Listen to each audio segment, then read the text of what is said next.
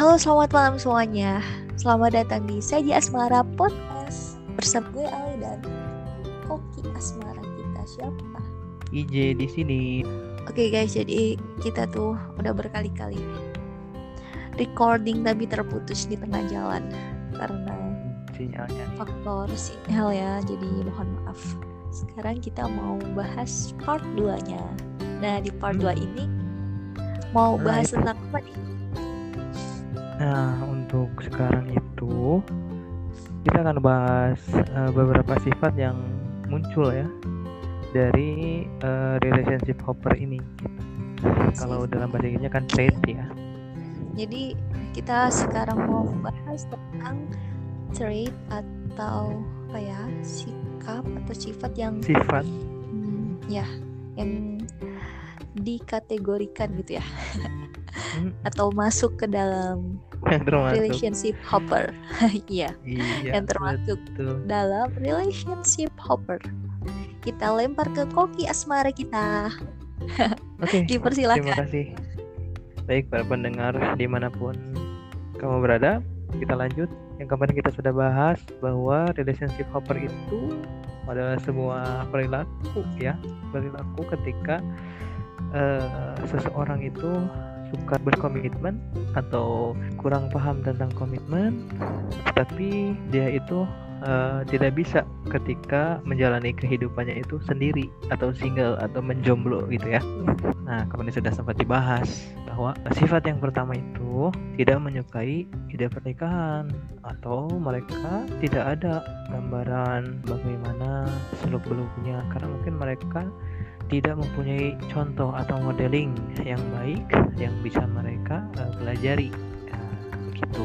Bisa saja mungkin eh, karena faktor eh, lingkungan keluarga yang kurang harmonis itu juga jadi salah satu faktor tidak adanya pernikahan yang eh, ideal.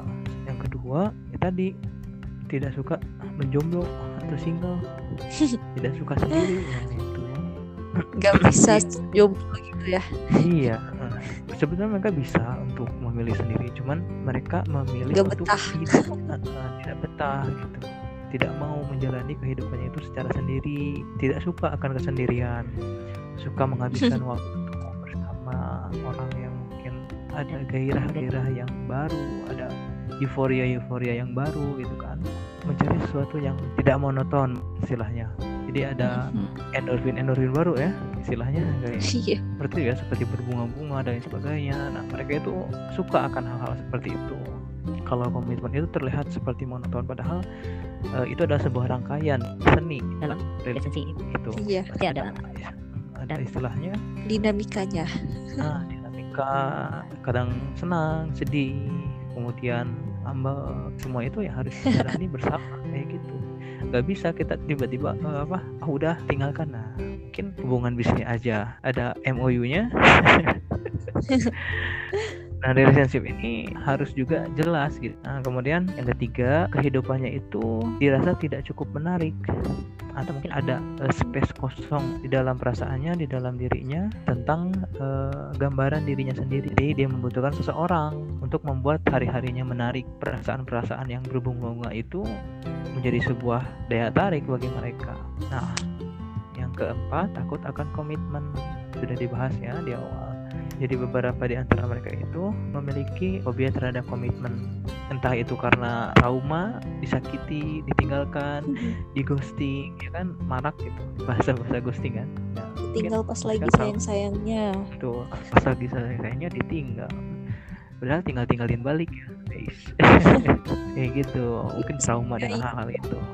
Padahal dengan sebuah relationship itu, ya kita juga harus tahu resikonya gitu. Dengan kita memilih menjalin sebuah hubungan dengan seseorang, ya ada resiko yang mungkin bisa terjadi, apalagi tanpa ada perhitungan dari awalnya. Main, misalkan iya ada main-main quote tau nggak gimana? ada quote gini kalau kamu sudah jatuh cinta kamu juga harus siap untuk patah hati gitu Iya. Termasuk eh, di dalam pernikahan pun ya, pasti ada lah istilahnya kayak sakit hati dikit-dikit gitu ya. Pastilah. Ya, ya. Tapi kembali lagi harus dikomunikasikan kan kalau nggak bisa main tinggalkan begitu saja. ya harus di coping Nah, tadi ya hmm, takut karena fobia karena trauma itu ya kan komitmen jadi mungkin dia menganggap atau mengeneralisir dalam hubungan itu tidak harus adanya komitmen jadi Oke. dia lebih suka untuk melompat Have fun. tadi hopping have fun hopping dari satu tempat ke tempat yang lainnya dengan sangat mudah seperti itu jadi mungkin bagi mereka eh, keluar masuk itu ya maksudnya keluar masuk dalam sebuah hubungan itu ya sudah menjadi makanan yang sudah biasa di herd immunity ya kalau pandemi gini kan jadi kayak kebal gitu resisten dengan cuman tanpa disadari ya itu juga akan memberikan efek buruk bagi orang lain. Kayak misalkan yang ditinggalkan apakah eh, sakit atau tidak masih banyak lagi gitu ya eh, hal-hal yang mungkin negatif gitu, yang bisa yang dipikirin. Inginnya yang instan simple gitu. Oke. Kemudian yang kelima ini cenderung tidak sabaran. Gimana tuh? Nah, mereka tidak suka menunggu atau menunggu pasangannya ketika dalam situasi sulit. Nah, kebayang nggak? oh iya iya iya Misalkan ada eh, apa masalah, eh, dia tidak mau tahu. Pokoknya harus ini. Dia ingin menerima hasilnya mau cepat. bahagia Gitu. Nah, gitu. Jadi nggak ada gambaran. Ada waktu-waktu ketika bersama saling menguatkan gitu, dan saling. nggak ada ya mendukung. kalau udah Kurang. dia susah udah tinggalin gitu kan lompat Tuh, mudah sekali untuk meninggalkan. Itu ya sangat berakibat terhadap apa pertama terhadap self image-nya juga. Kontrol dirinya juga berarti ada yang kurang atau ada yang lost. Tuh seorang yang bisa mengontrol diri pasti eh, istilahnya bisa bersabar untuk melihat Iya. semuanya apakah ini tuh benar-benar harus ditinggalkan atau harus dipertahankan. Kayak gitu. Asik. Kemudian sekarang maju ke nomor 6. Nah, di nomor 6 ini itu bangga mengoleksi mantan. Wih, ini yang barisan ya. para mantan gitu loh itu terlatih patah hati ya. nah, ya terlatih patah hati Tapi eh, ini di perspektifnya berbeda. Tapi perspektifnya itu jadi lebih ke pelaku gitu. Meskipun di relationship hopper ini bisa saja ditinggalkan atau meninggalkan. oke Mungkin ada kebanggaan pasangan yang sudah dia Koleksi. miliki koleksi karena pernah lihat itu istilahnya orang-orang yang memang mereka itu kayak membanggakan mantan mantannya sampai-sampai dia itu memiliki foto-foto mantannya dipajang di kamarnya gitu. Iya, ya, dia Oke. sendiri. Dari sebuah zaman prestasi gitu ya. di koleksi fotonya itu dipajang gitu. Jadi fenomena yang menarik gitu ya. Ada juga Iya. ternyata. Kemudian yang itu yang ketujuh ya yang ketujuh. Jadi ada sesuatu yang patah di dalam dirinya atau sesuatu yang Hmm. hancur ya.